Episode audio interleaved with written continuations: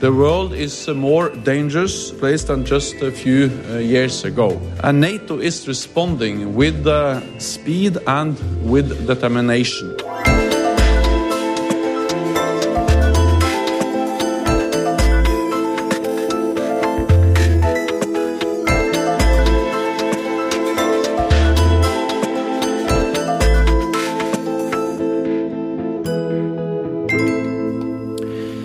Esiet sveicināti klausītāji. Kārtējais iknedēļas raidījums septiņas dienas Eiropā. Arī šoreiz ar jums kopā būšais Jānis Krops, kamēr kolēģis Kārlis Strēps vēl atvaļinājumā, bet nākamnedēļ gan apsolu jau tikšanos ar viņu. Nu, šoreiz, protams, mūsu temats ir saistīts ar nedēļas nogalē un arī piekdien esošo notikumu NATO ietvaros samits Varšavā. Nu, Krievu presē ļoti atšķirīgi atspoguļota tika šī sanāksme un tās nozīmīgums, piemēram, laikrakstā Ņezavisimajā gazeta tika brīdināts, ka NATO lēmumi atspoguļo tās plānus tālākai konfrontācijai ar Krieviju un arī paplašanāšanos austrumu virzienā, tāpat arī draudot, ka jebkura karaspēka izvietošana pie Krievijas teritorijas nu nepalikšot bez atbildes. Savukārt Maskovskij Kamsamoļets mudināja nepieļaut konfrontāciju, sakot, labākā reakcija ir nereaģēt vispār, jo audzēt ģeopolitisko spriedzi Eiropā nesot šobrīd Krieviju Krievijas interesēs. Atšķirībā no šiem laikrakstiem, nu, Novēja Gazeta vēl arī pauda, ka nesaskat lielu nozīmi samitam vai tur arī vispār kaut kam pārunātēm, jo, kā saka, NATO vīri sanāk kopā, lai patērzētu, un tad visi atkal arī izklīst, katrs uz savu pusi. Tāpēc šodien esam nolēmuši raidījumā arī spriest par NATO samitu, par militārās klātbūtnes pieaugumu Austrum Eiropā, kā arī par Latvijas, Krievijas un Vācijas Krievijas attiecību dinamiku. Vispirms gan jāsaka, līdz Rio Olimpiskajām spēlēm ir, un to atklāšanai palicis vairs tikai mēnesis, sen ir pamatotas bažas, ka spēles varētu kļūt par teroristu mērķi mērķi, un te pēkšņi Rio policija ir nākus klajā ar paziņojumu, ka viesu drošības nodrošināšanai spēļu laikā tomēr nepietiekot finansējumu. Iesaka visiem būt ļoti uzmanīgiem.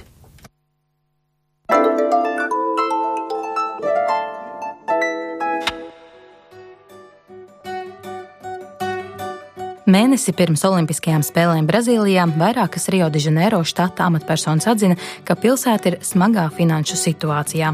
Kā vienmēr, spēļu rīkošanas reālās izmaksas krietni pārsniegušas tām atvēlēto budžetu. Uz to reaģējot, Brazīlijas valdība drošības pasākumiem papildus piešķīra aptuveni 755 miljonus eiro. Šāds paziņojums izskanēja pēc nedēļām ilgiem policijas protestiem par aizkavētām algām, liekot daudziem šaubīties par drošu Olimpisko spēļu norisi pusi. Turklāt pats Rio de Janeiro mērs Eduardo Paešs intervijā teicis, ka drošības situācija, gatavojoties spēlēm, ir briesmīga un ka štats ir pilnībā izgāzies savos uzdevumos. Pēc vairākiem krimināliem starpgadījumiem ar nolūku uzlabot drošību, mērs solīs piesaistīt 85 tūkstošus policistu un karavīru, divreiz vairāk drošības spēku nekā Londonas vai Pekinas spēlēs. Tomēr ir iespējams, ka arī ar šādu skaitu varētu nepietikt. Nesen internetā no iespējama daīša kaujinieka izskanējuši draudi portugāļu valodā, ka Rio de Janeiro spēļu laikā varētu būt uzbrukumu mērķis. Brazīlijas militārajai policijai ar terorisma draudiem reālas pieredzes nav. Papildus tam ar turistu pieplūdumu pilsētā dramatiski audzis noziegumu skaits. Stāsta bijušais Rio de Janeiro štata sabiedriskās drošības sekretārs Luis Eduardo Soares. É um prazer muito grande estar aqui com Mūsu ikdienas darbā manāmas pamatīgas problēmas, bet līdz šim esam labi pielāgojušies šādiem pasākumiem kopš pasaules čempionāta futbolā 2014. gadā un pāvesta Franciska vizītes 2013. gadā. Tomēr robi budžetā ietekmē policijas morāli. Policistiem maksā par maz, viņiem ir bailes par algas atlikšanu, un viņa darba grafikus neciena. Ja šī nebūtu militārā policija, viņi jau sen sāktu streikot. Bagātākos Rio de Janeiro rajonos, kā Kopagabana vai Ipanēmā, uz katriem 300 iedzīvotājiem ir viens policists. Savukārt trūcīgākos rajonos viens policists atbild par aptuveni 2000 cilvēku drošību. Es sagaidu, ka šāda nevienlīdzība spēļu laikā tikai augs. Šādas ekonomiskas krīzes laikā cilvēkiem ir tendence radikalizēties. Šis ir politisks lēmums ar nodomu turistiem radīt labu iespaidu par pilsētu. Un galu galā par šādiem iztrūkumiem budžetā smagu cenu būs jāmaksā trūkumcietējiem.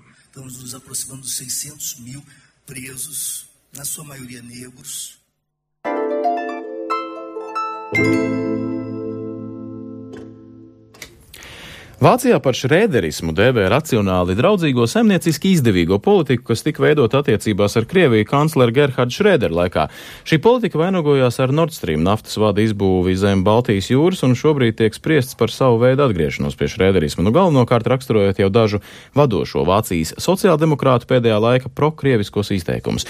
Šā brīža kanclere Angela Merkel gan vēl aizvien stingri aizstāv ekonomiskās iegrožošanas politiku, viņa turpina uzstāt, ka pret Krieviju vērstās sankcijas var tikt atvieglotas tikai tikai tad, ja Krievija ievēros beidzot Mīnskas līgumā rakstīto, Eiropas Savienība arī ir vienojusies pagarināt sankcijas līdz 2017. gada janvārim. Tomēr Šrēderisma atgriešanās Vācijā liek bažīties, ka nākamgad Vācijā gaidāmajās vēlēšanās esošo politiku varētu arī nomainīt pret Krieviju tomēr draudzīgāk.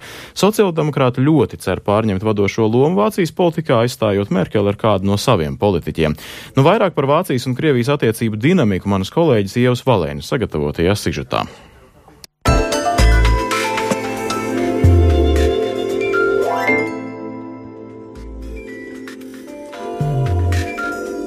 Te jau visas Eiropas Savienības ieviestās sankcijas pret Krieviju ir spēkā jau divus gadus. Bargākās no sankcijām - ekonomiskās, protams, skāra nevien Krievijas, bet arī Eiropiešu budžetu. Tās tika ieviestas 2014. gada 30. jūlijā, pēc tam, kad virs Austrumukrainas tika notriekta Malaiža Airlines lidmašīna. Jau ieviešot sankcijas, bija valstis, kuras izturējās pret tām mazliet atturīgi, jo Krievija bija ekonomisks partners un līdz ar to lēmums bija smags. Piemēram, Vācija pirms sankciju ieviešanas veikusi 90 miljārdu eiro vērtu tirdzniecību ar Krieviju, tāpēc nav brīnums, ka šo sankciju ieviešana nebija viegls solis, tomēr visa pasaule skatījās, kāda reakcija būs uz Krievijas darbībām Ukrainā. Šeit jāatzīmē, ka Vācijas attiecības ar Krieviju jau kopš 90. gadu beigām ir visnotaļ draudzīgas, un Berlīne bieži ir pievērusi acis, kad Kremlim paslīdējusi kāja. Viens no nesenajiem konfliktiem, 2008. gada karš starp Grūziju un Krieviju, daļai Eiropas lika sastingt bailēs un atbalstīt Grūziju. Tā bija tā Eiropas daļa, kas labi atcerējās padomju okupācijas gadus. Toreiz ASV centās panākt, ka NATO izveido dalības rīcības plānu Grūzijai un Ukrainai, bet Francija un Vācija šo plānu nobloķēja bloķēja. Arī neko vairāk par pirksta pakratīšanu un kaunināšanu Krievijai piedzīvot nenācās. Ukrainas karš un Krimas aneksija gan Kremlim neļāva tikt cauri sveikām. Tomēr karš vēl nav beidzies, Krima aizvien ir Krievijas sastāvā, bet balsis Berlīnē arvien skaļāk sāk runāt par maigākām attiecībām ar Kremli.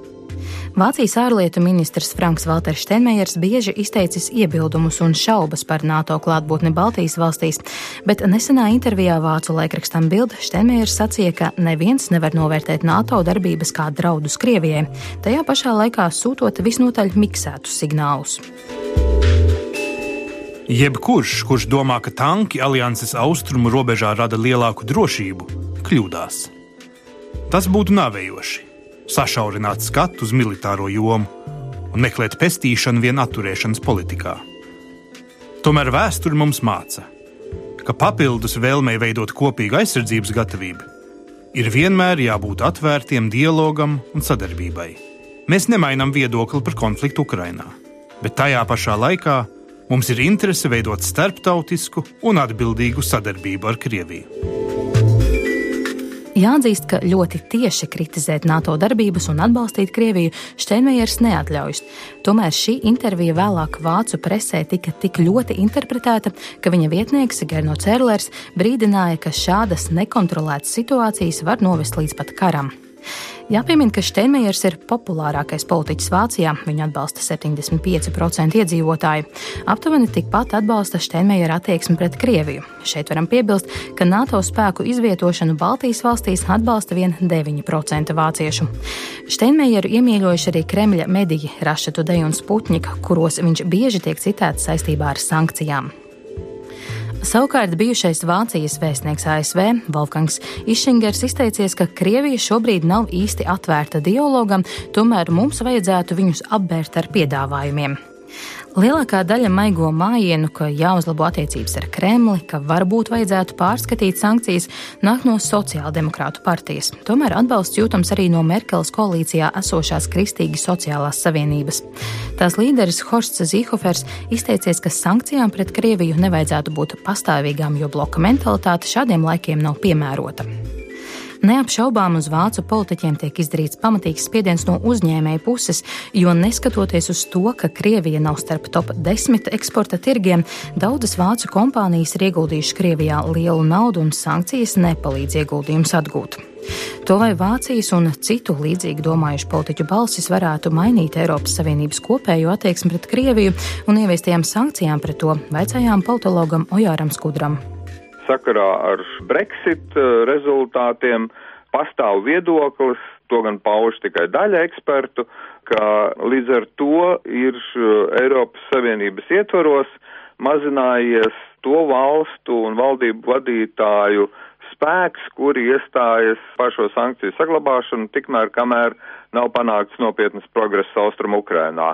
Pretēji, teiksim, vispār zināmajam, Itālijas uh, premjera, mm, Ungārijas premjera un uh, var minēt vēl arī Austriju un, un Čehiju kā valstis, kuras aicina drīzāk tā kā uz sankciju mīkstināšanu.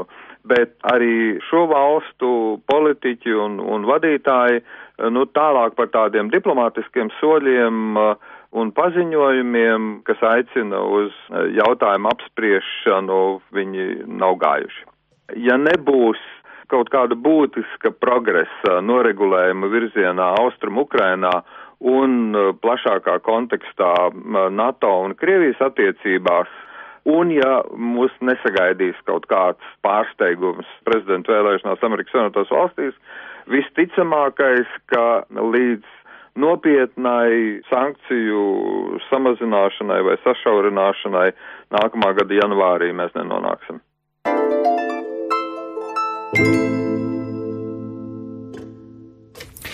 Maskava ir oficiāli nosodījusi NATO spēku izvietošanu Baltijas valstīs un Polijā, sakot, ka nevienu vairs nevar apmānīt ar sacīto, ka šāda darbība nesot it kā vērsta pret Krieviju. Nu, tikmēr NATO arī ir izteikusies, sakot, organizācija nevar aizstāt pašu Eiropas valstu nacionālās aizsardzības spējas. Studijā tāpēc esam šodien uzaicinājuši Latvijas ārpolitikas institūta pētnieku un arī Rīgas Stradiņu universitātes pasniedzēju Māri Anžānu. Labdien! Labdien! Un, uh, Telefoniski esam arī sazinājušies ar mūsu vēstnieku NATO Indulu Bērziņu, un es gribētu tieši kā reiz sākt sarunu ar Indulu Bērziņu. Labdien, Bērziņkungs! Labdien! Jūs esat mūsu pārstāvis NATO. Nu, kāds ir tas jūsu īsais vērtējums samitam? Tiešām viens no nozīmīgākajiem pēdējo gadu laikā? Jā, es domāju, tas ir viens no nozīmīgākajiem pēdējo gadu laikā. Varbūt Latvijai pats nozīmīgākais bija samits Prāgā, kur mēs tikām uzaicināti kļūt par NATO dalību valsti. Attiecīgi uz mums no tā brīža, kad mēs kļuvām par dalību valsti, attiecās jau piektais pants, kas ir pats būtiskākais. Bet piektais pants, kas ir ļoti nopietns, ļoti nopietns teiksim, pants, un tas nav papīra tīģeris. Šeit NATO man ir pārliecība, ka ja kas, ja kas tad valstis izpildīs savas saistības atbilstoši piektajam pantam. Es nekad negribētu, un neviens negribētu, lai kādreiz vajadzētu ķerties pie šī piektā panta. Un tāpēc, lai pie viņa nevajadzētu ķerties un nevajadzētu pildīt šīs saistības, ir tik būtiski šī atturēšanas politika, kuru tad arī, par kuru tad arī lēmums pieņēma šī Varšavas uh, samitā, Varšavas sanāksmē. Un šī atturēšanas politika nozīmē daudznacionālu spēku, četru bataljonu daudznacionālu spēku izvietošanu trīs Baltijas valstīs un Polijā, kas ir skaidrs signāls un vēlreiz pasaka, kur ir šī sarkanā līnija. Un paldies Dievam, sarkanā līnija iet tā, ka mēs atrodamies drošajā pusē. Tas arī ir šī te, uh, samita panākums attiecībā pret mums, bet tur tiks skatīti arī citi svarīgi jautājumi. Tā kā mēs esam NATO dalībvalsts, tad mums ir svarīgi arī citi jautājumi, tā skaitā dienvidi, tā skaitā sadarbības starp NATO un Eiropas Savienību un vēl daudz kas cits. Daži cilvēki saka, nu šo vienību izvietošana Baltijas valstīs arī Polijā ir tomēr tāda savas valsts militarizēšana un lielā mērā Krievijas kaitināšana. Jūsuprāt, vai tas ir tiešām pietiekoši atturēšanas tāds efektīvs ierocis, lai nevajadzētu pārāk daudz kaitināt Krieviju un lai nevajadzētu arī vietējiem iedzīvotājiem bažīties, ka mēs varētu kļūt par kādu fronts līniju? Tieši tā, jūs ļoti precīzi raksturojāt situāciju. Īstenībā šis skaits, šīs vienību lielums un bruņojums ir tāds, ka īstenībā, lai ko arī Krievija publiskajā telpā neteiktu, Krievijas eksperti ļoti labi saprot, ka šie spēki nav tik lieli, ja pēkšņi, es atvainojos, NATO saiktu prātā un gribētu uzbrukt Krievijai, lai šiem spēkiem varētu nu, izdarīt lielu ļaunumu Krievijas teritorijā, uzbrukot daudz, daudz lielākām Krievijas militārām vienībām, labi apbruņotām, kas atrodas otrpus robežas. Tātad eh, šis jautājums ir pilnīgi skaidrs. Otrs, atturēšanai šie spēki ir pietiekoši nopietni, jo šie spēki ir Kaut, kaut kur pazudāt, Bērziņkungs, varat atkārtot, lūdzu? Halo. Jā, mēs dzirdam. Halo, dzirdiet tagad mani, jā. Tātad, attiecīgi, šie spēki ir pietiekoši lieli un pietiekoši nopietni un būs tātad pietiekoši bruņoti, lai viņi vajadzības gadījumā varētu pāriet no apturēšanas aizsardzības pozīcijā. Tas ir aizsargāt Baltijas valsts, Poliju, ja kāds viņai grasītos uzbrukt. Un tieši šī iemesla dēļ arī neviens viņām neuzbruks. Un tieši šī iemesla dēļ, ka šīs vienības ir pietiekoši nopietnas un spēcīgas, lai varētu atbildēt pret kaut kādu veidu agresiju, šis karš, es domāju, arī nebūs iespējams. Jūs pieminējāt jau Krieviju un arī lielā mērā jautājums, nu kā NATO raugās uz to, ko Krievija parasti paziņo. Skaidrs, viena lieta ir publiskā telpa, kur Krievija diezgan tā bravurīgi mēģina pateikt, ka jebkāda šāda aktivitāte ir vērsta vienīgi tikai pret Krieviju, demonizēšana arī Krievijas tiek pieminēta. NATO tajā klausās vai NATO saprot, ka nu, tā ir vienkārši publiskā retorika un diplomātu aprindās ir pilnīgi citas sarunas? NATO valstīs pārstāvētie vēstnieki un diplomāti, kas šeit strādā, brīnišķīgi atdala to, ko Krievija saka publiskajā telpā, un kas bieži vien ir domāts ne tikai rietumu sabiedrībai, bet pašas, savai pašmāju patēriņam, un to, kāda ir reālā Krievijas izpratne par situāciju. Starp citu, NATO uztur dialogu ar Krieviju, tā kā tiem, kas uzskata, ka ir vajadzīgs dialogs, un pilnīgi pamatot uzskata, ka ir vajadzīgs dialogs ar Krieviju, jo pašas sliktākās sarunas ir labākas par pašu labāko karu, citējot klasiķus, atcerēšos. Un attiecīgi, att, attiecīgi šādas sarunas, šāds dialogs notiks, un arī parīt jau būs otrā tikšanās reize kopumā, un pirmā tikšanās reize pēc Varšavas samita, ar kurā piedalīsies visu valstu vēstnieki, tā skaitā arī es, un Krievijas vēstnieks ar Krievijas pārstāvjiem, kur mēs pārunāsim, kā mēs kurš redzam šo drošības situāciju, kāda ir viņai apdraudējumi un kā nepieļaut, lai kaut kāda veida nenozīmīgs incidents pāraugtu kaut kādā nopietnākā komplektā. Tur tiks runāts arī par Afganistānu, droši vien tiks runāts, protams, par Ukrainu. Tas mums ir no, nu, strikti noteikts, ka šis jautājums vienmēr tiek, tiek uh, pārunāts ar Krieviju. Kaut gan no otras puses, protams, NATO kā organizācija nav tieši spēlētāji Ukrainas gadījumā, jo Protams, tur noteicošais faktors un tas, kas var virzīt uz priekšu, ir šis Minskas, Minskas vienošanās un Minskas vienošanos atbilstošās valsts, atbalstošās valstis. Lielas paldies! Bija pie mūsu tālruņa klausulas Induls Bērziņš, mūsu vēstnieks NATO. Um, Anģāna kungs, atgriežamies pie sarunas studijā. Nu, jums kā ārpolitikas pētniekam skaidrs, ka diplomātiem ir šī tendence mūs nomierināt. Tādā ziņā arī Bērziņa kungs klausoties tiešām nu, nešķiet, ka mums varētu kaut kas draudēt. No NATO-Krievijas attiecību pētījuma puses, kā mēs vērtējam šo samitu jūsu redzējumā? Viennozīmīgi vēsturisks samats. Es pat vērtētu viņu kā būtiskāk kā Prāgas samitu, kurš Baltijas valsts uzņēma precīzāk saņēma uzaicinājumu iestāties NATO, jo būsim atklāti, līdz Ukrainas notikumiem Baltijas valsts NATO bija tikai uz papīra, ne praksē, jo atceramies Wikileaks skandālu, ka atklājās, ka nav nemaz NATO nekādu Baltijas valstu aizsardzības plānu, ka pie tā tikai tika domāts, un arī līdz Ukrainai nebija nekādas runas pilnīgi par to, ka varētu tikt eh, pastāvīgi vai rotējoši izvietot šeit eh, karavīri. Un šajā gadījumā vērtēt arī diplomātu stāstus, tad es domāju, šis ir patiešām tā reize, kad diplomātiem var ticēt, ka viņi diezgan precīzi apraksta situāciju. Mm.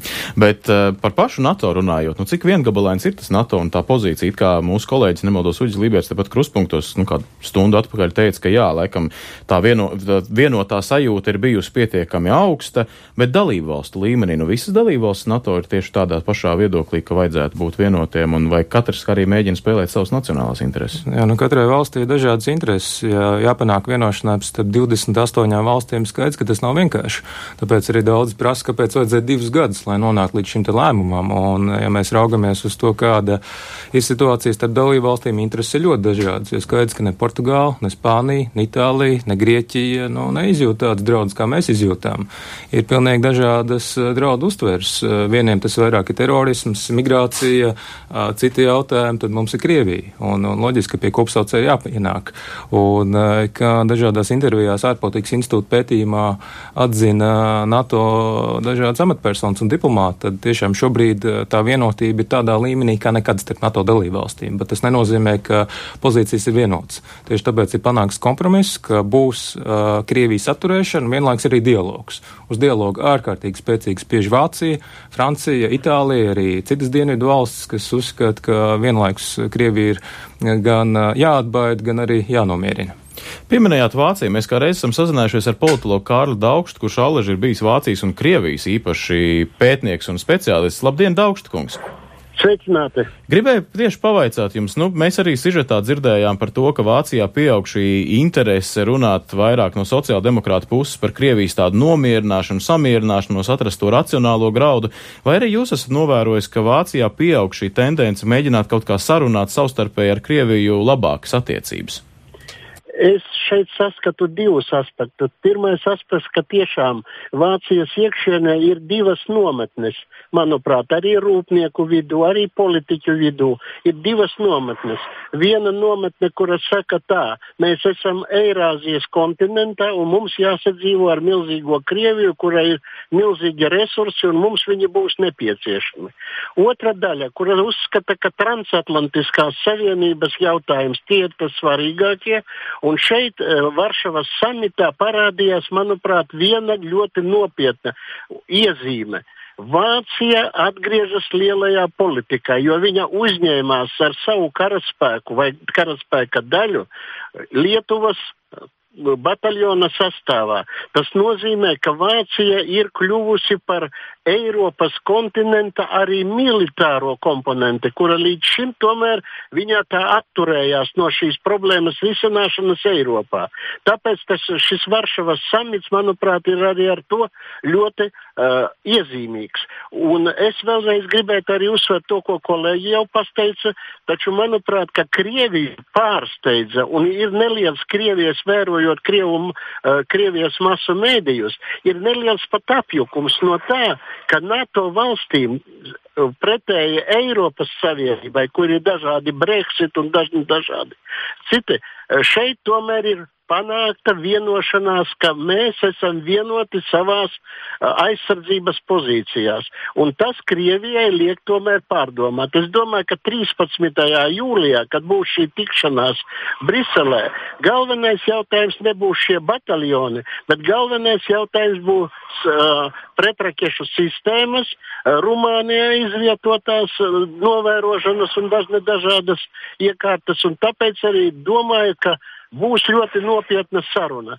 Un tai pašā laikā es uzskatu, ka pastāv arī kontakti, viņi varbūt ir diplomātiski slēptāki, taču kontakti starp Eiropas Savienību, starp Amerikas Savienotajām valstīm un Krieviju pastāv arī slēgtie kontakti.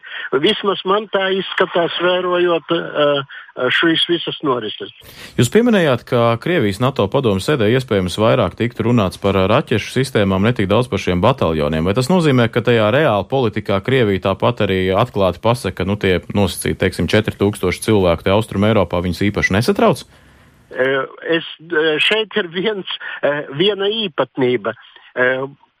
Propagandas ziņā tie tiek pasniegti kā milzīgs apdraudējums, kā uh, NATO infrastruktūras tuvošanās dzīves svarīgiem Krievijas centriem. Taču reālajā politikā skaidrs, ka šie četri bataljoni tas ir tikai simbols, un tas ir simboliska darbība. Taču Maskavas iekšienē, iekšējā propagandā uh, tautai tiek skaidrots, ka tas ir briesmīgs spēks, kurš varētu izprovocēt dažne dažādas sadursmes, un ka tas ir provokatīvs solis no NATO puses. Tāda vismaz ir tā propagandistiskā publiskā nostāja Krievijā. Reāli militārās aprindas to pat neuzskata par kaut kādu eh, nu, ieguldījumu kaut kādās aizsardzības spējās. Jo tur ir infrastruktūras jautājumi, tur ir sadarības jautājumi, tur ir vesela rinda ļoti nopietnu pretrunu par šo bataljonu darbības nodrošināšanu un reālajām kaujas viņu iespējām. Daugstkungs pēdējais jautājums saistībā ar tieši NATO lēmumu. Jūsuprāt, šie četri bataljoni tiešām, kā Bērziņa kungs vēstnieks NATO arī teica, tas ir pietiekami, lai Krieviju reāli politikā nebiedētu, bet tajā pašā laikā arī pietiekami, lai parādītu, ka mēs esam gatavi kaut ko darīt, vai varēja darīt kaut ko arī vairāk? Nē, es domāju, ka mums pārvērsties par piefrontes zonu un sākt nodarboties jau ar reālu ierakumu rakšanu pret Krieviju nebūtu vajadzības. Es domāju, ka šie bataljoni mums ir jāizmanto tiešām kā simbols tam, ka mēs esam uh, rietumu ietekmes zonā, rietumu ietekmes sfērā, un diemžēl atgriežas ģeopolitika, arī NATO uh, retorika, tāpēc mums ir jābūt ļoti uzmanīgiem un vienkārši jāvēro, kā notik notikumi attīstīsies tālāk. Es tomēr ceru, ka uh, 13. jūlijā tomēr tiks eh, šī padomē atrisināti vairāki nu, tādi kas, jautājumi, kas man liek domāt, ka tomēr ies uz nelielu atkāpšanos gan vienā, gan otrā pusē. Un es domāju, ka kompromiss starp Krieviju un NATO tiks atrasts. Vismaz viņš tiek pat labam intensīvi meklēts. Paldies, atgādinu, sazvanījāmies ar politologu Kārli Daugstu. Anžankungs, nu, par šo Krievijas NATO attiecībām. Latvijas ārpolitikas institūtam ir ļoti interesants pētījums, kā reiz skatoties arī vēsturiski, kā dažādi konflikti ir ietekmējuši šīs attiecības. Kā jūs raksturotu, kā tie viļņi veidojas NATO-Krievijas attiecībās un varbūt kurā brīdī mēs šobrīd esam? Nu, mēs varam novērot ciklisku attīstību vēsturiski 90. gadu sākumā Krievijā bija pat zināmas idejas par iespējamu dalību NATO, cik nopietnas, nenopietnas. Eh, tas ir cits jautājums. Tās ātri, protams, tika atmestas, tad eh, notika attiecību veidošanās posms. Eh, pašā Krievijā bija pamatīgs apjukums, reformas, tāpat arī karaspēku izvešana no bijušās padomju savienības citām daļām. Tad 97. gadā tika noslēgts pamatakts, kas šobrīd intensīvi tiek piesaukt saistībā ar šo bataljonu izvietošanu Baltijas valstīs. Tad bija Kosovas krīze. Uh, kas ļoti sabojā attiecības starp NATO un Krieviju. Krievija toreiz eh, pārtrauc dalību. Eh, Atvainojās NATO. par to, ka NATO ielīd Balkānos? Tā, tieši tā, jā, par to, ka eh, iegāja Kosovā, jo iepriekš arī, starp citu, pat Krievija Bosnijā Hercegovinā piedalījās NATO vadītā mieru uzturēšanas operācijā. Pēc tam Kosovā tāpat piedalījās, tad attiecības attiecīgi pasliktinājās. Tad bija 11. septembra terorakti ASV, kas atkal uzlaboja attiecības. Bija Irāka, Baltijas valstu uzņemšana, kas nu, bija faktiski nu, diezgan nenozīmīgi praksē. Pienāca Ukraina, protams, pirms tam arī Gruzija. Līdz ar to bija tādi uz augšu, uz leju. Un tas, ko mēs redzam šobrīd, ka atkal iet uz to, saka, samierināšanās pusi. Un to mēs arī ārpolitikas institūts prognozējam savā pētījumā, ka tālāk attiecības starp NATO un Krieviju tiks at atjaunotas, būs tātad gan atturēšana, gan dialogs, un ir vairākas jomas, kuras starp abām pusēm gribam vai ne ir jāsadarbojas, jo Krievija ir un paliks pārskatāmā nākotnē militāri spēcīgākais NATO kaimiņš, valsts ar lielākajiem, vieniem no lielākajiem kodolspēkiem pasaulē, līdz ar to nu, realitāte spiež sadarboties ar Krieviju. Gribam vai negribam to? Tieši tā, gribam vai negribam, Krievija Krievija nekur nepazudīs. NATO ģenerālsekretārs eh, Varšavas samitā bija nu, izteicies, ka NATO nav pienākums um, kaut kādā veidā sadarboties ar Krieviju, it kā nu, atsaucoties, ka šobrīd šī sadarbība nav tādā veidā nu, fundamentāli kaut kā parakstīts vienošanās vai kaut kas tam līdzīgs. Cik lielā mērā NATO pati grib sadarboties ar Krieviju šobrīd, vai arī NATO būtu izdevīgi paturēt Krieviju, lai tā pati savā sulā, teiksim, tā paskatās uz ārpolitikas norisēm un tad pati padomā, ko vēlas, vai tas, tas ir tikai tādas publiskās debatas? Teik, ka NATO lielākā daļa valstu patiešām tiešām vēlas arī sadarboties ar Krieviju. Un, protams, jāskatās, kas vispār ir NATO. NATO kā tāda, tas ir ģenerālsekretārs, ir uh, šis te apkalpojušais personāls, bet reāli tās ir dalībvalsts. Pašai NATO spēku jau kā tāda īsti nav. Tāpat Amerikas Savienotās valsts 70% vai pat vairāk no visiem aizsardzības budžetiem NATO veido. Līdz ar to tas ir pa dalību valstīm pirmkārt. Un, uh, ir dažādas valsts, dažādas nostājas. Un ir ļoti daudz valsts, kas vēlas ar Krieviju uzlabot attiecības. Uh, ir, ir faktiski skaidrs, ka, uh, lai arī formāli tiek uzturēti iebildumi par Gruziju, tad pa Abhāziju, pa Dienvidu Osetiju, tāpat pa Piedņestru, Moldovā, tāpat pa Krimu, uh, par Donbasu, bet visi saprot, ka tās teritorijas visticamāk ir zaudētas zaudēts. Par to NATO dalību valstu ietekmi, nu, žurnālisti vidū šeit cirkulē, teiksim tā, klejo tādas runas, jo gal galā mūsu pašu korespondents Uģis Lībietis bija arī Varšavā uz samitu, viņš saka, ka, nu, um, izskan tādi minējumi, ka tomēr ASV, kas ir ievērojami ietekmīgākā valsts NATO, ir lielā mērā arī piespiedus to pašu Kanādu uzņemties mūsu kaujas vienības vadīšanu šeit Latvijā. Tā varētu būt vai? Tā viennozīmīgi arī ir, jo atcerēsimies, Kanādā nesen notika valdības maiņa, konservatīvo vietā nāca liberāļi, uh, Justin Trudeau vadībā, un viens no solījumiem pirms vēlēšanām bija aiziet no Sīrijas, Irākas konflikta ar gaisa spēkiem, tas, ko arī lielā mērā viņi izpildīja. Un tā nostāda bija līdzīga, Obamas administrācija, ka nāca pie varas, ka toreiz Hillary Clinton pasniedza Lavrovam pārstartēšanas pogu, tur gan ar zināmām kļūdām tas viss notika. Līdzīgi arī Trudeau gribēja nākt, kad mēs redz aizējām no konfliktiem, mēs nākam ar mieru. Un acīm redzot, bija spēcīga saruna starp Obamu un, un Trudeau, kur Obama acīm redzot ir pārliecinājis nākt, jo skaidrs, ka Kanāda to dara patiesībā, lai ko viņi teikt praksē, ļoti negribīgi to dara. Līdz ar to sāk jaunu premjerēšanas periodu ar skaujas spēku novietošanu atkal Eiropā. Un atkāpšanos no solījumiem. Uh, Mūsu politiķiem ļoti patīk nu, pieminēt, ka šis varētu būt labs brīdis arī izmantot attiecību uzlabošanai ar Kanādu. Galu galā Kanāda ir pietiekami labklājīga, liela, ietekmīga valsts. Vai jūs saskatāt, ka Kanāda būtu ieinteresēta kaut kādā veidā intensificēt sadarbību ar Latviju, vai arī, nu, ja šī ir piespiedu kārtā tāda vadības uzņemšanās, ka īsti viņiem attiecības ar Latviju nav tik svarīgas? Nu, es domāju, Latvija Tomēr reālajā politikā ir pārāk maz, gan tirgus mums ir mazs, lai kaut kas reāli mainītos. Ir lietas, protams, ko varētu darīt.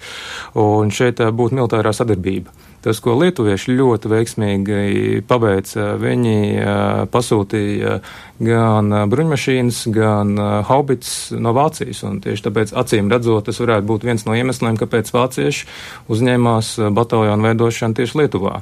Un, un, un mēs varētu raudzīties par nākotnes iepirkumiem. Nu, varam arī, protams, atcerēties arī ar Baltiku iepirkumu par uh, bombardieru lidmašīnām. Tā kā, nu, zināms, iestrādnes jau ir un, un varētu skatīties, ko vēl var darīt. Bet, Nu, citādāk diez vai Kanādai tas varētu būt kaut kas tāds ļoti nozīmīgs. Es iedomājos, kā ir Baltika tagad noteikti plēš macu domādam par kara darbības kaut kādu piesaukšanu saistībā ar viņu lidmašīnām. Bet, ja mēs runājam par dalību valstīm, nu mēs arī Daugštakungam vairāk mēģinājām paprasīt tieši par to Vācijas faktoru. Jūs arī pieminējāt. Vācija ir uzticams partners, vai jau vairāk ņemot vērā, ka nākamgad ir vēlēšanas? Vācija ir ļoti saudabīgs partners pašreizējā situācijā un, un redzam tiešām, ka vēlēšanas nāk iezīmējas nesaskaņas starp kristīgiem demokrātiem, tad starp Angelu Merkelu un, un sociāldemokrātiem, Zigmāru Gabrielu, vicekancleru un, un, un sociāldemokrāti. Atcerēsimies, protams, Gerhardu Šrēderu, un arī šobrīd viņi ir vairāk gatavi sadarboties ar Krieviju nekā kristīgie demokrāti. Līdz ar to Vācijas jautājums ir labs jautājums, un neviens īsti atbild nezina. Un raugoties no Krievijas pozīcijas attiecībā uz Vācijas bataljonu Lietuvā, tad šeit arī dažādi varētu raudzīties. No vienas puses Vāciju iespējams uztver kā tāda, ar ko varētu sarunāt kaut ko, ja nu kas, bet no otras puses Vācija un, un Merkel jau īpaši paliek faktiski vienīgā Eiropas un arī pasaules līderi, kas kaut ko var ar Putinu sarunāt lietas labā. Šeit atcerēsimies Minskas vienošanās, jo reāli tā bija Angela Merkel, protams, blakus bija arī François Hollande, bet, nu, būsim atklāti, tas bija starp Putinu un Merkeli. Tā vienīgā, kas varēja kādā veidā nomierināt šo situāciju. Francijā arī nākamgad ir prezidenta vēlēšanas. Cik liela ietekme NATO būs Francijai? Jā, Francijai arī var būt pietiekami liela ietekme. Ir, protams, jāraugās ar uztraukumu uz Nacionālās fronts Lepenas iespējamo nākšanu pie varas. Mēs nezinām, kas notiks. Tāpat arī Nikolā Sarkozī, kas arī atkal varētu pretendēt uz, uz valsts vadīšanu. Atcerēsimies viņa vizītes arī Krievijā.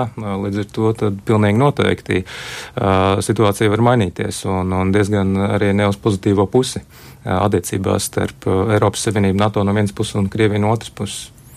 Viena, manuprāt, nu, tāda pēdējā valsts, ko būtu vērts pieminēt, kaut vai Lielbritānija līdz ar visiem Brexitiem, vai Lielbritānija šajā samitā tiešām centās parādīt, ka ir uzticams partners, jo Eiropas Savienības mērogā nu, mēdz runāt, ka Lielbritānijai it kā vairs uzticēties nevar. Nu, jā, Lielbritānija Eiropas Savienībā tā pa īstam jau nekad līdz galam nav bijusi. Ne viņa Schengenā, ne viņa Eirozonā ir dažādi citi izņēmumi, un, um, protams, iepriekš arī es Briselē strādājot Eiropas institūcijās redzēju, ka, protams, netiek Briti tādā pilnībā mīlēti. Bet NATO viņi ir viena no spēcīgākajām valstīm. NATO viennozīmīgi. Lielbritānija ir viena no spēcīgākajām, uzticamākajām valstīm. Lielbritānija joprojām ir ANO drošības padomas valsts. Lielbritānija tāpat ir savi kodolspēki neatkarīgi, un līdz ar to Lielbritānija paliek, bet jautājumi, protams, paliek, cik, cik šī tālāk apņemšanās būs spēcīga, jo Lielbritānija ir ļoti pamatīgi zaudējusi savu ietekmi pasaulē, un līdz ar Brexit acīm redzot zaudēs vēl vairāk. Līdz ar to jautājumu paliks, kas tālāk notiek Lielbritānijā arī NATO sastāvā. Radikālo politiķu, teiksim, tā spēja uzrunāt Lielbritānijas vēlētāju varētu pēc kādiem gadiem, nu, teiksim, tā ietekmēt arī Lielbritānijas lomu NATO, vai tomēr Lielbritānijas sabiedrība nav tik viegli, nu, pārliecinām saistībā tieši ar to standartu, kādā viņi ir NATO? Nē, grūti teikt, jo līdz šim tas nav bijis centrālais jautājums debatēs. Parasti cilvēks vairāk skar tādas eksistenciālas problēmas, līdzīgi kā tagad, acīm redzot, Brexit gadījumā bija vairāk jautājumu par migrāciju un saistītie jautājumi, mazāk par militārajām lietām, bet kādā brīdī tas noteikti var aktualizēties. Tagad varam skatīties arī, kas notiek attiecībā uz šo te neformālo vai formālo izmeklēšanu par Irākas karu ka tomēr nu, sabiedrība arī ļoti dažādi viedokļi, ka tiek atzīts, ka šajā ziņojumā pēdējā kā tiek atzīts, ka netika izmantots visas iespējas, ka iespējams Lielbritānijai nevajadzēja piedalīties iebrukumā Irākā. Līdz ar to zinām ieteikumi ir, bet es domāju, ka tas nav centrālais jautājums. Tas jautājums var aktualizēties, ja britu karavīri krīt kaujās un, un, un līdzīgi. Tad sabiedrībai ir uzreiz lielāka, lielāka pretreakcija. Tāpat arī varam atcerēties, 5. gadā bija terora akti Londonā, gadu iepriekš bija 4. gadā Madridē, Spānijā, kad spridzinātājs spridzināja vilcienus un pēc tam, ko Spānijas jaunā valdība izdarīja, izveda savus spēkus no Irākas. Līdz ar to šāds risks pastāv, bet no šobrīd tiešā veidā viņš nav novērojams. Pēdējā lieta noteikti par šīm kaujas vienībām, kas tiks izvietotas Baltijā un arī Polijā. Jautājums, nu labi, viena lieta ir ļoti pateicīga, mēs varam būt tām valstīm, kuras ir nolēmušas atsūtīt savus cilvēkus šajieni. Otra lieta, kas mums kā valstī ir jādara, lai viņus uzņemtu šeit, jo noteikti, nezinu, infrastruktūras gatavība varētu arī nebūt pilnvērtīga. Nu, acīm redzot, nav, jo, nu, būsim atklāti, līdz tūkstoši karavīriem tā tāda neliela pilsētiņa, un skaidrs, ka viņi arī varētu nebūt gluži vieni, tāpat arī tehnika, daudz citas lietas pilnīgi noteikti ir jābūvē vai iespējams jāpielāgo vietas, kur viņiem dzīvot, kur viņiem uzturēties, ko viņiem darīt.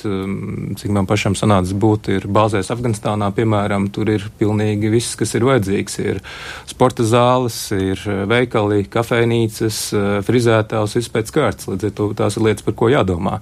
Tāpat mums jārēķinās, ka noteikti būs incidenti, dažādi patīk tas vai nē. Sabiedrībai uz to būtu jāgatavojās. Varam šeit redzēt, ir Zokņos Lietuvā ir bijuši incidenti, kur ja karavīri ir karavīri. Karavīri, karavīri arī tāpat Ventspilī ir bijuši šādi tādi incidenti, un ar to jārēķinās, bet mēs nedrīkstam nekādā ziņā to uztvert uh, negatīvāk nekā vajadzētu, jo mums tos karavīrus vajag daudz vairāk nekā tiem karavīriem vajag Latviju. Uh, ja nemaldos, aizsardzības ministrs bija minējis, ka tā izvietošana karavīru varētu būt ādažos un lielvārdē, vai nav drusku par tālu no tās um, atturēšanas robežas, ja tieši otrādi nevajag tieši pašā pierobežā tādas bāzes veidot? Nav, protams, arī tik liela nozīme, kur atrodas pats galvenais, lai Latvija atrodas, un, protams, jo turā tuvāk robežā, jo vairāk Krievija to varētu uztvert kā provocējošu elementu, bet arī raugoties no tāda militāri taktiskā viedokļa, protams, ja tuvāk robežai, jo vieglāk iznīcināt, ja nu kas sākās. Jā, tādā ziņā pat, pat labāk, ka viņi ir tālāk. Savā ziņā varbūt pat jā, bet, nu, ņemot vērā Krievijas modernās kaujas spējas, pat nav, nav būtiski, kur šīs te vienības atrodas, jo Krievijā saskaņā ar atsevišķām aplēsēm rietumkara apgabalā vien ir līdz pat 300 tūkstošiem karavīru, tad šie te 4 plus aptuveni 20 tūkstoši Baltijas valstu karavīri, nu, tas ir ļoti, ļoti maz kā Bērziņkungs teica, tiešām, lai tikai atturētu, nevis lai iebiedētu. Tieši tā, bet pietiekami spēcīgi, lai atturētu. Uh, Kaujas vienības nav vienīgais iznākums no šī NATO Varšavas samita. Vēl viens jautājums noteikti ir par NATO Eiropas Savienības sadarbību. Ja nemaldos, nu tad šī deklarācija, vai kā lai to nosauc, kas tika parakstīta, tā ir kaut kas arī jauns NATO Eiropas Savienības attiecībās. Cik daudz jaunā tur ir iekšā? Nē, ir, protams, viens ir labi, ka Junkers un Tusks aizbrauca uz Varšavu. Tur gan nebija trešais uh, līderis Eiropas Savienības, uh, Eiropas parlamenta prezidents Martins Šulcs. Tas atkal ir cits jautājums. Vācietis, jā. Varam mēģināt savilkt paralēlus. Da, dažādas var vilkt paralēlus, bet varbūt neobligāti tas ir vajadzīgs. Bet uh, lielākais jautājums ir cits uh, starp NATO un Eiropas Savienību. Tas ir Kipras jautājums. Uh, precīzāk, attiecības starp Kipru, Grieķiju un Turciju.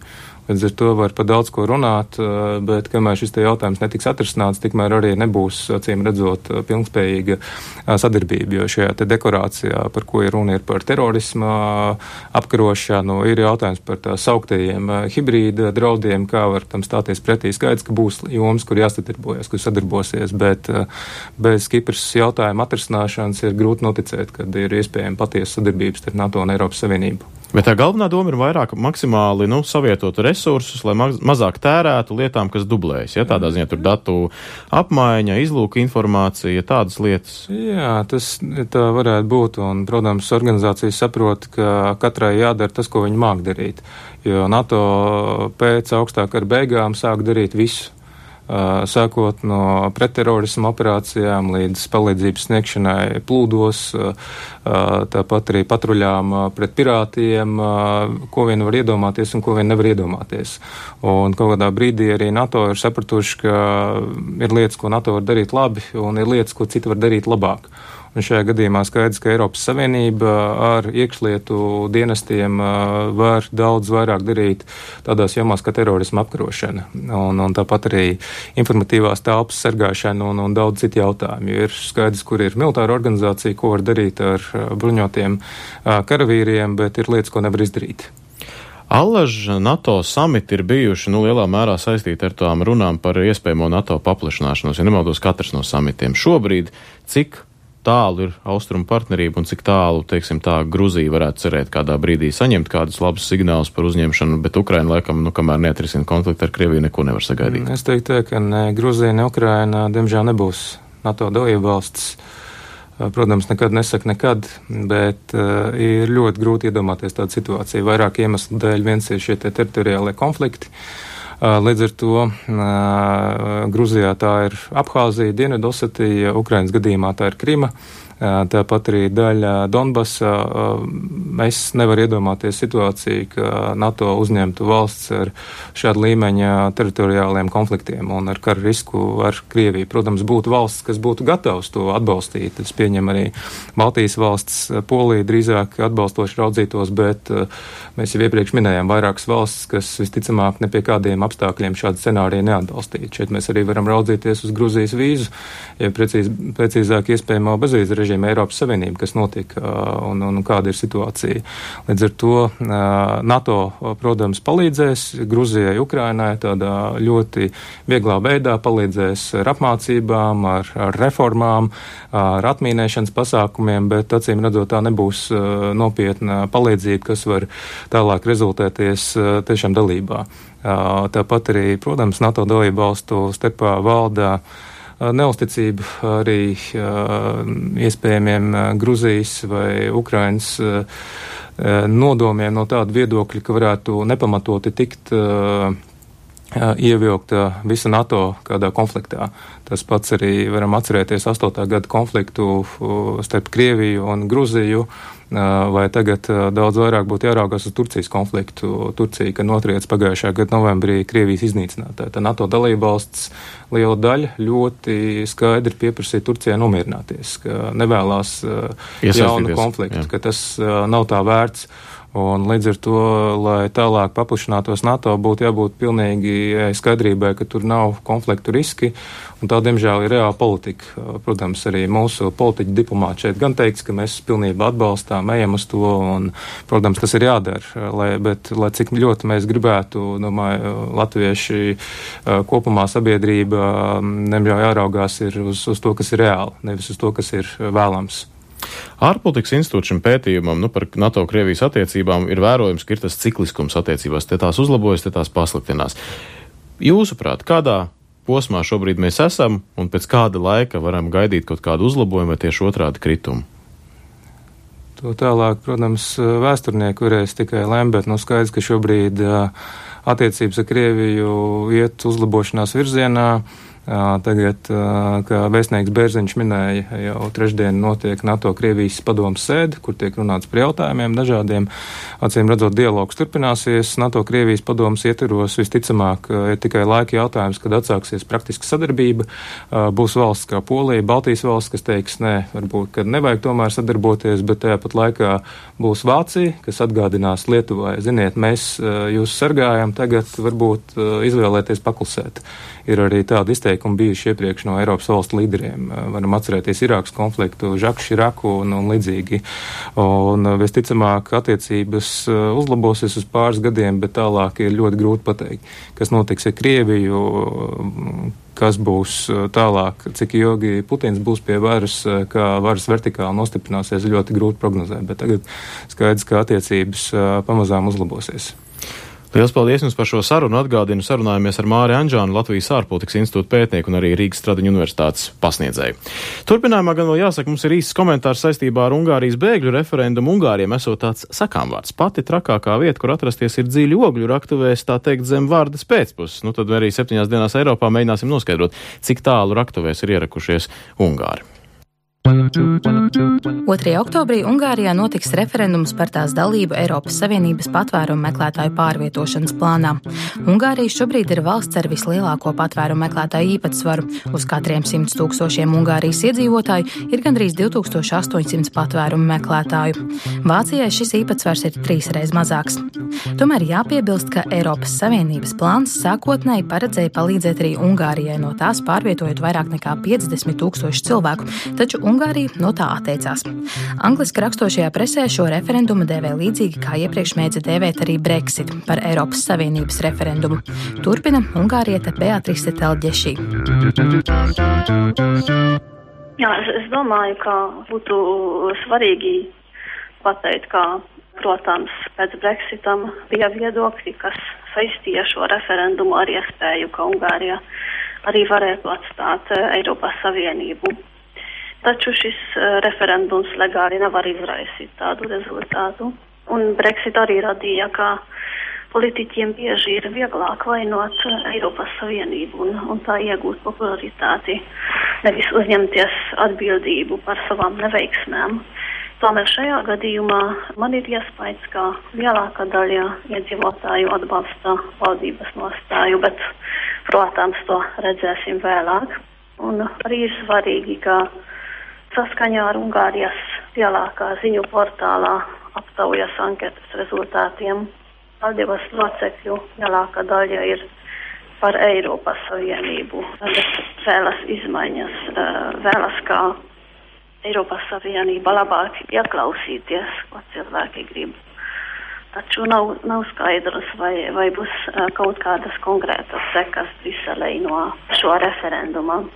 Protams, ko uh, cilvēki domā par bēgļu jautājumu, tas uh, ir no, jautājums, uh, vai cilvēki ir, kāds ir uh, viņu politika viedoklis uh, par politiku, vai viņi ir liberāli vai, vai konservatīvi. Liberāli ir uh, labāk, ir inteligence, uh, tikai es, es domātu, ka uh, vairāk konservatīvu, bet uh, cilvēku viedoklis nav visu laiku tāds konsekvents. Tad varbūt, ka kā vienā jautājumā viņu viedoklis ir, ir konservatīvā, bet citā jautājumā liberāla.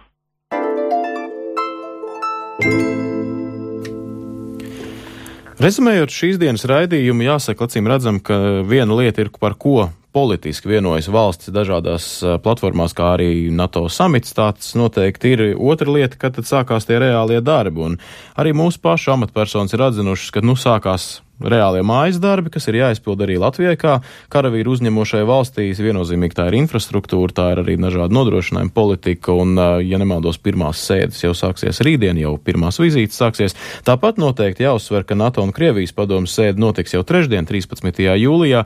Dzirdējām, ka Krievijas diplomāti ir pietiekami pragmatiski. Acīm redzam, Krievija varētu vairāk interesēt raķešu jautājums arī Rumānijā, netik daudz karavīru skaits Polijā un Baltijas valstīs. Nu, bet jebkurā gadījumā skaidrs, ka Krievija vismaz oficiāli paprasīs paskaidrojums, jo tā retorika jau turpināsies un laikam vietā atcerēties, ka lielo politiku veido, paldies Dievam, nevis mēdī, bet gan diplomāti.